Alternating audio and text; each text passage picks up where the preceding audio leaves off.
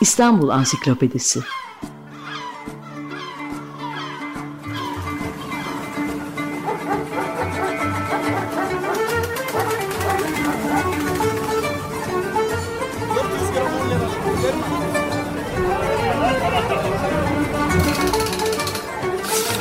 İnsanlar, olaylar, mekanlar, gelenekler ve ihtiyaçlar üzerinden şehrin tarihinden sayfalar.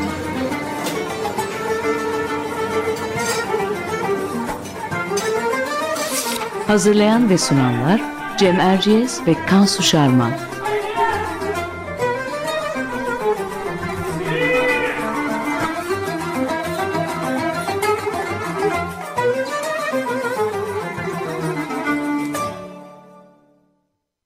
Merhaba, ben Cem Erciyes. Açık Radyo'da Kansu Şarman'la birlikte hazırladığımız İstanbul Ansiklopedisi'nin 15. programındayız. Bu hafta konumuz İstanbul'un temizliği ve çöpçüleri. Konuğumuz bu konuda Tanzifatı İstanbul adlı Fatih Güldal'la birlikte yazdığı bir kitabı da olan araştırmacı Mehmet Mazak. Mehmet Bey hoş geldiniz. Hoş bulduk. Teşekkür ediyorum. Her programda olduğu gibi e, biz Kansu ile bir kısa giriş yapacağız. Sonra sözü e, konuğumuz Mehmet Bey'e bırakacağız. Konumuz temizlik ve çöpçüler dedik. Temizlik yani eski deyişle tanzifat. Mehmet Bey'in kitabı da e, buradan alıyor adını. Her zaman kalabalık, her zaman kalabalık ve gözde bir kent olan İstanbul'un önemli meselelerinden birisi olmuş.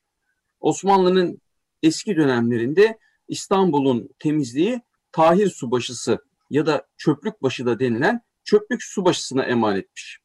Sokakları ona bağlı çalışan arayıcılar temizliyordu bu dönemde. Arayıcı esnafı denilen bu e, ekip diyelim çöpleri topluyor, merkezi yerlerin temizliğini sağlıyordu. Ama sokak aralarının, çarşıların temizliği önemli ölçüde halka emanetti. Halk tarafından yapılıyordu.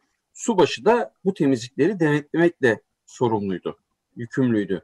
Çarşıların temizliğinden esnaf ketüdası, mahallelerden de mahalle imamı sorumluydu. Kışın seller, buzlar ve çamur, yazın toz, toprak ve çürüyen çöpler her zaman uzun yıllar diyelim en büyük sorun oldu. 1826'da Yeniçeri Ocağı kaldırılınca subaşılık da ortadan kalktı.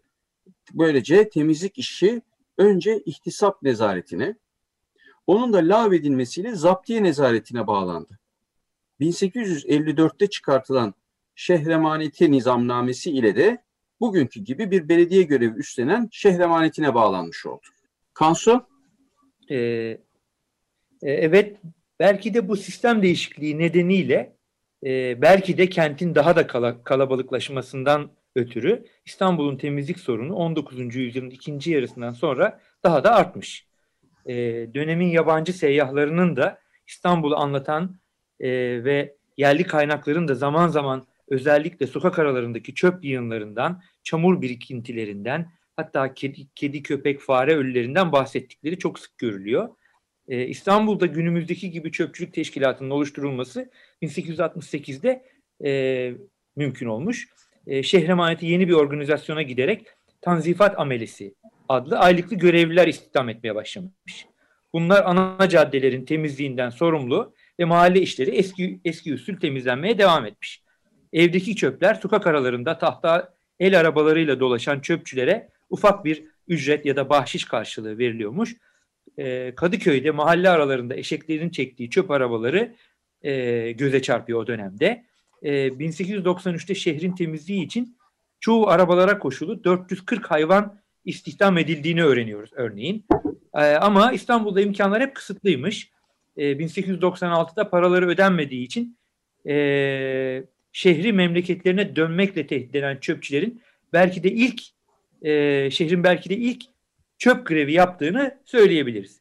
Şimdi daha fazla uzatmadan e, sözü konuğumuza devredelim ve e, İstanbul'un uzun temizlik tarihinin detaylarını Mehmet Mazak'tan öğrenelim. Mehmet Bey e, sorulara şöyle başlayalım diye düşündük.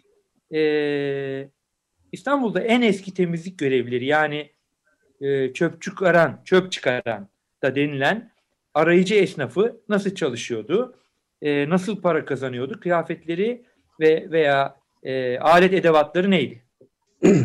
Şimdi tabii e, özellikle e, 29 Mayıs e, 1453'te İstanbul'un fethiyle birlikte zaten İstanbul o günde büyük bir şehir e, muadillerine baktığımız zaman bu şehrin tabii ki bir dezenfekte temizliği ön, e, önemliydi.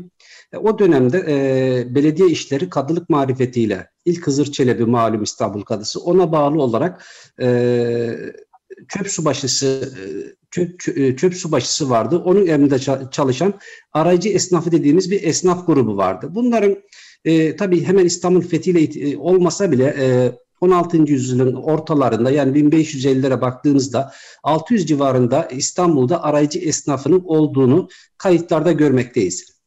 E, tabii arayıcı esnafı e, ben bu temizlik serüvenimizi İstanbul'un e, fetihten itibaren günümüze kadar e, temizlik serüvenini dört başlıkta topluyorum. Birincisi e, klasik dönem dediğimiz Osmanlı döneminde arayıcı esnafıyla e, yapmaktaydı. Sonra şey, e, 1854'te şehir amanetin kuruluşuyla birlikte e, tanzifat amelesi, e, 1900 o Cumhuriyet'in ilk yıllarda dikkat etseniz e, şey vardır 50'li yıllar 60'lı yıllara kadar e, e, deniyordu bunlara. Günümüzde de temizlik amelesi yani e, ya da temizlik işçisi deniyor belediyeler bünyesinde.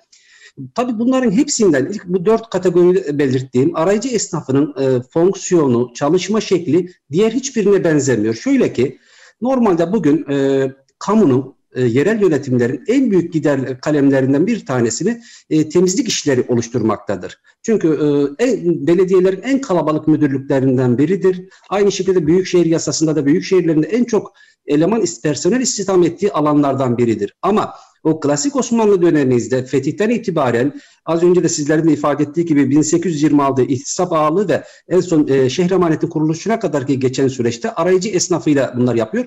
Arayıcı esnafı bir defa devletten e, yani herhangi bir kadılıktan ya da devletin herhangi bir kurumundan e, maaş almıyor. Herhangi bir ücret almıyor. Tam tersi ne yapıyorlar bunlar? Diyelim ki Beyoğlu veyahut da Üsküdar Kadılığı, Beyoğlu, Üsküdar e, işte ya da Eyüp o bölgeler kadılıkla yönetildiği için o bölgenin mahallesine göre e, mahallenin e, halkının orada yaşayan insanların e, işte zengin, fakir durumuna göre bunlar e, buraları yıllık olarak ihaleye giriyorlar. Ama kim çok verirse e, iş adamları o dönemin şartlarda kim çok mesela devlete ben yıllık şu kadar vereceğim dediği zaman kim çok verirse ihale onda kalıyor. Yani mesela e, 16. yüzyılda baktığımız zaman 60 bin akçe yıllık e, İstanbul Kadısı'na bir e, bedel ödeniyor temizliği yapmak için. Ha bunlar ne yapıyordu bu arayıcı esnafı? Çöplük subaşısına bağlı olarak bunlar mahallede, sokakta işte topladığı bütün şeyleri, konaklardan, evlerden, saraylardan bütün bu topladıkları şeyleri Bunlar matruş ve keçe külah giyerlerdi bunlar. Hani giydiği şeyleri de sormuştunuz. Ellerde muhakkak bir çapa, demir kazma, ağaç, muhakkak bir bulundukları yerde bir ağaç tekne olurdu. Bunlar zembil taşırdı. Sırtlarında küfelerle, zembillerle dolaşırlardı ve e, bir de az önce şey yaptığınız gibi eşeklerle, katırlarla sokak aralarına girdiği için bunların üzerinde harar dediğimiz ya daha geniş çöpleri taşıma şeyleri olurdu. Bunlar taşımış oldukları çöpleri e, o dönemin e, ya Haliç kenarında ya da deniz kenarındaki bir yerde tanzifat iskeleleri dediğimiz ya da e, işte temizlik iskeleleri dediğimiz iskeleler var. Buralara getiriyorlar e, ve burada o e, işte ağaçtan oyulmuş teknelerin içerisine bütün bu topladıkları çöpleri yıkıyorlar, ayrıştırıyorlar. İçerisinde değerli olan ve geri dönüşümü olan e, malzemeleri ya da e, çöpleri topar aldıktan sonra bunların hepsini e, mavnalarla, temizlik mavnalarıyla adaların açıklarına götürüp denize atıyorlardı. Bu şekilde bir sistem vardı. Yani günümüz şartlarında en önemli şey e, klasik dönemde e, devlet bunlara herhangi bir ücret ödemediği gibi e, tam tersi bu aracı esnaf grubundan ya da o iş adamlarından para alıyorlardı. Devlet para kazanıyordu.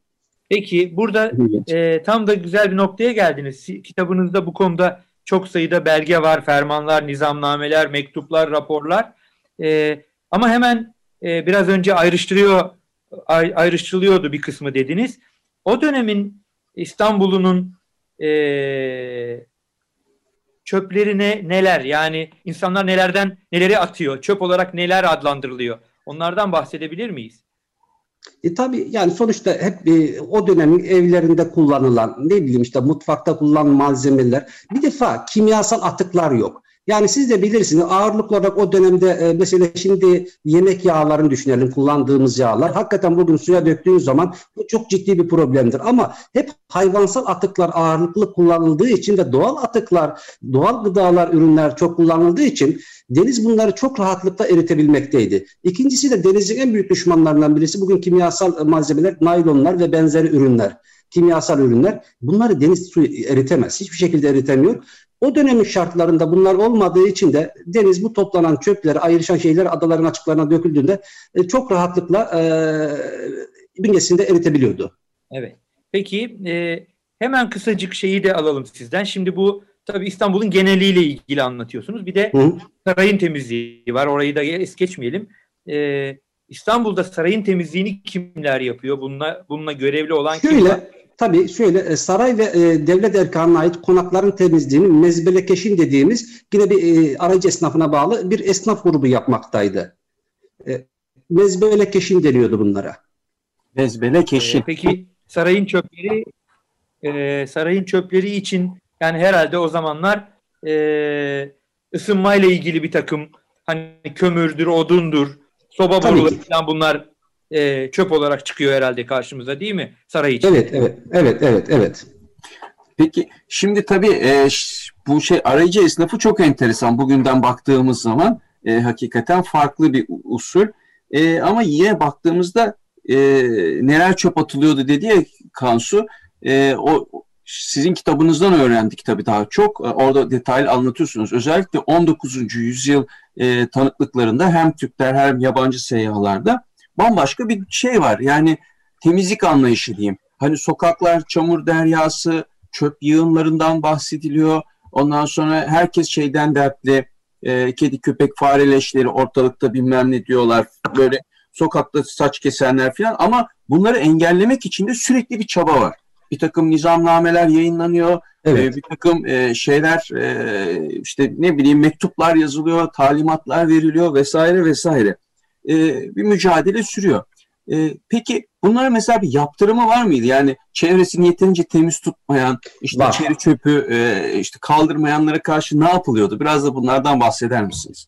Tabii e, aslında çok güzel bir konuyu e, ifade ettiniz. E, o klasik Osmanlı dönemi dediğiniz hani arayıcı esnafının olduğu dönemde aslında o, o dönemin seyyahlarının şeylerine baktığımız zaman buradaki İstanbul'u anlatan ifadelere 18. Evet. yüzyıla kadarki olan bölüm gayet İstanbul'un temiz, pak ve olduğundan bahsederler. Özellikle Türklerin ve Osmanlı'nın bu konudaki hassasiyetinden bahsederler. Ama 1826'daki 1826'daki e, şeyin arayıcı esnafının istisap ağalığına e, bağlanmasıyla ve şehir amanetin kurulması döneminde yaklaşık orada bir 50 yıllık bir dönem var ki bu 1870'lere kadar geliyor. Hakikaten içinden çıkılmaz bir hal alıyor İstanbul.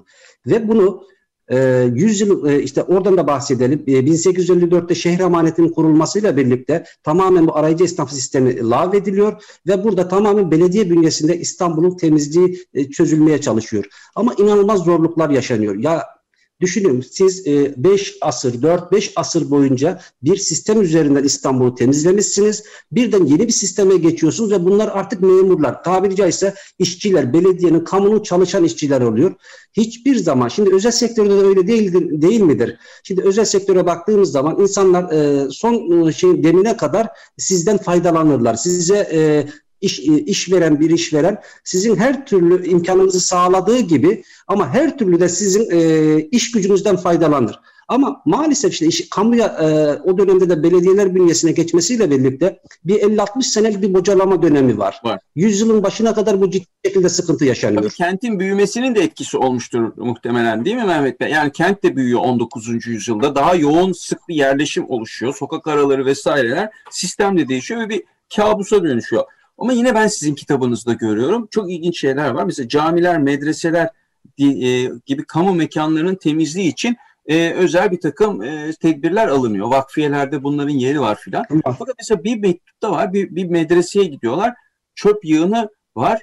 E, öğreniyorlar ki çöp yığını 3 yılda bir tasfiye ediliyormuş. Fatih, Fatih Fatih'teki medrese biliyorum. Evet, evet. Siz de detayını ben şimdi hatırlayamadım. Yani böyle Evet. bir biraz bir bilgehanelik de var sanki o dönemde bir şeyde aha- halkta e, çere çöpe karşı. Ben böyle bir izlenime kapıldım.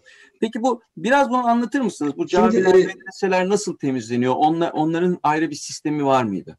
Şimdi bir defa hani e, İstanbul'un o dönemdeki genel temizliği az önce arayıcı esnafının yaptığını söyle, söyledik, belirttik.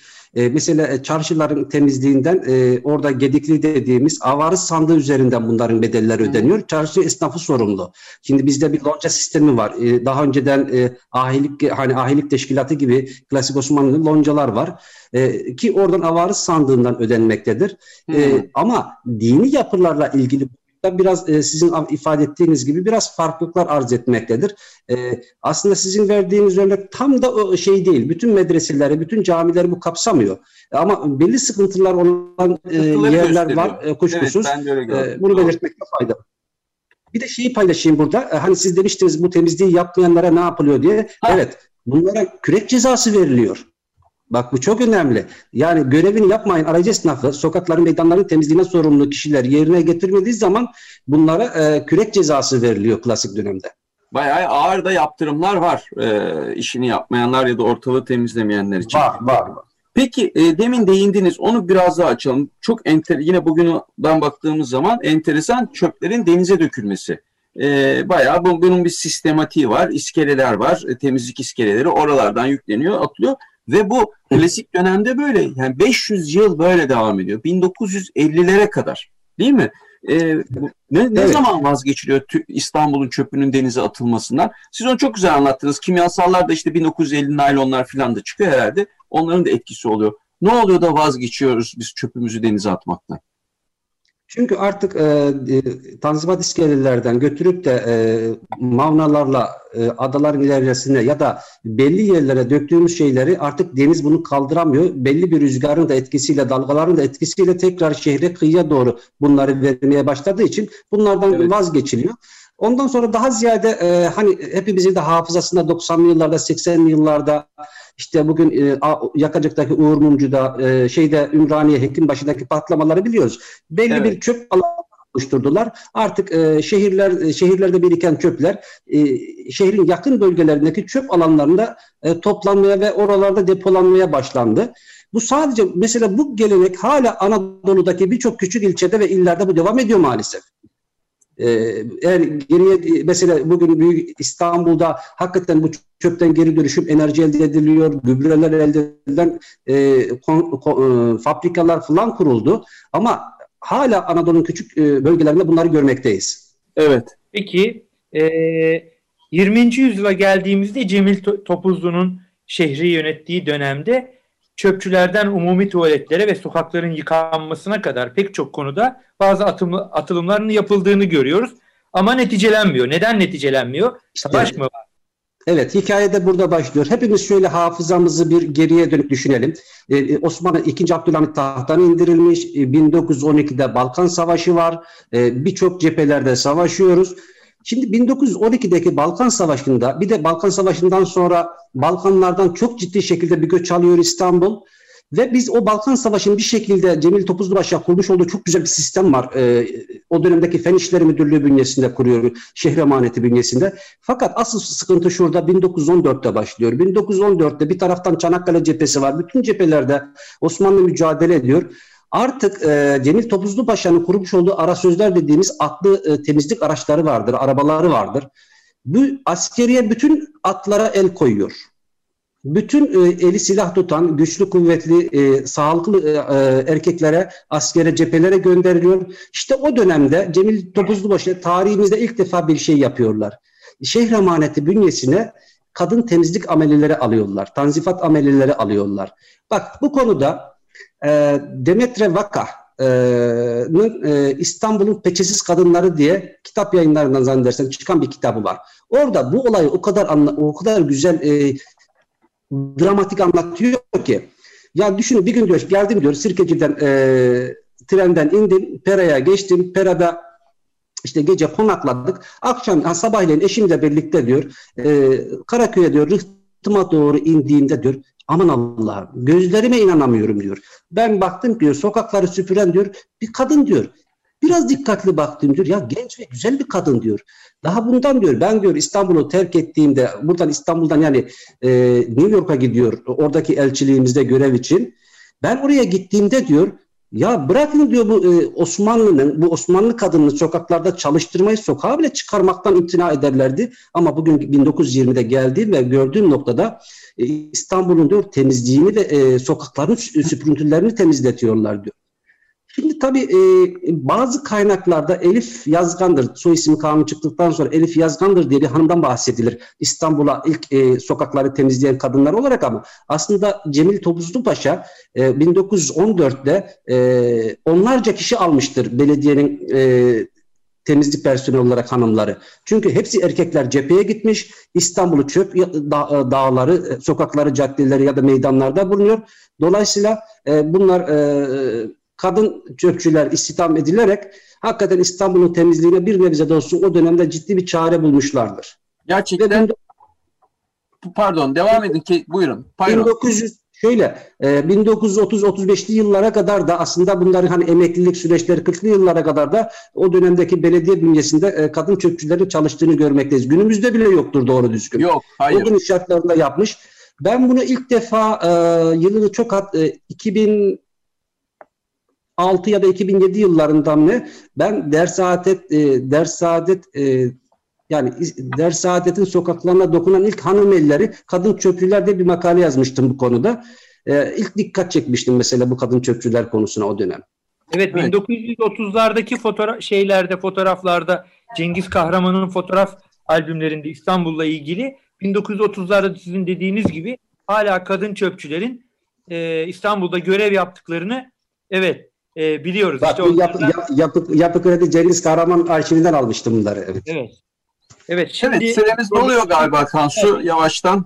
Ee, ee, kadın çöpçüler gerçekten çok enteresan. Buna da değindi Mehmet Bey. Teşekkür ediyoruz. Evet çok iyi oldu. Ee, Mehmet Bey çok teşekkür ediyoruz. Süremiz aslında e, daha fazla olsaydı kitaptan daha belirlediğimiz notlar vardı. Örneğin 1906 yılında çöpçülerin sürgünü bu e, Rıdvan Paşa'nın öldürülmesiyle ilgili olayı da şey yapardık. Kısaca o dönemde e, saray bu e, bir Rıdvan Paşa'nın öldürülmesini vakasını e, üstünü kapatmak için ya da meseleyi e, sükunetle çözmek için e, bir kısım çöpçüleri İstanbul'dan sürmüş. O da başka sorunlara neden olmuş. E, bir başka programda da onlardan da bahsedelim. E, size çok teşekkür ediyoruz programa katıldığınız için. Çok teşekkürler. Çok ediyorum. E, programımızın sonunda adetimiz olduğu üzere ansiklopedik bölümümüz var. E, bu hafta Reşat Ekrem Koçu'nun İstanbul Ansiklopedisinden e, yeni bir maddeyle devam edeceğiz. Biliyorsunuz e, O harfindeyiz ama e, Reşat Ekrem Koçu'nun ansiklopedisi G harfinde bittiği için e, odun yarıcı veya baltacı adı verilen e, görevlinin e, işini B harfindeki baltacı maddesinden okuyarak e, aktaracağım size. Şöyle, e, odun yarıcı veya baltacı İstanbul asırlar boyunca kış mevsimlerinde saray ve kaşhanesinden kulübesine varıncaya kadar ocağında, sobasında, mangalında odun ve kömürü kömür odun ve kömür ateşiyle ısınmıştır. Birinci Cihan Harbi'ne kadar da en mütevazi gelirli aile reisi sonbahar içinde evinin kışlık odununu, kömürünü almış bulunurdu. İhtiyacın ölçüsüne göre gemi yükü, araba yükü, deve yükü, at yükü olarak ve çeki hesabıyla alınan odun meskenlere daima dal kütük olarak girer.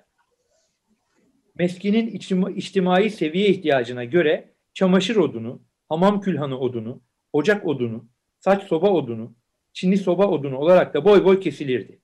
İşte bu işe odun yarma, yapana da odun yarıcı denilirdi. Konaklarda yanaşma ve uşak takımından bir veya birkaç kişi tarafından yapılırdı odun yarıcılık uşağı yanaşması olanlar da Anadolu ve Rumeli halkından olup sonbaharda birer balta ile sokaklara dökülen bir baltacı odun yarıcı çağırıp çekisi, çekisi şu kadardan şu kadar çeki odun diye pazarlık yapıp odunları kestirir yardırırlardı.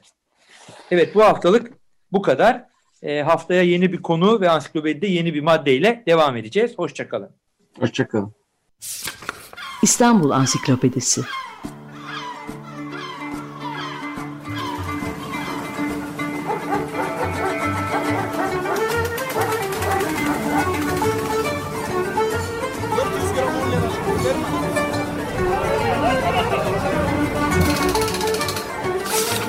İnsanlar, olaylar, mekanlar, gelenekler ve ihtiyaçlar üzerinden şehrin tarihinden sayfalar.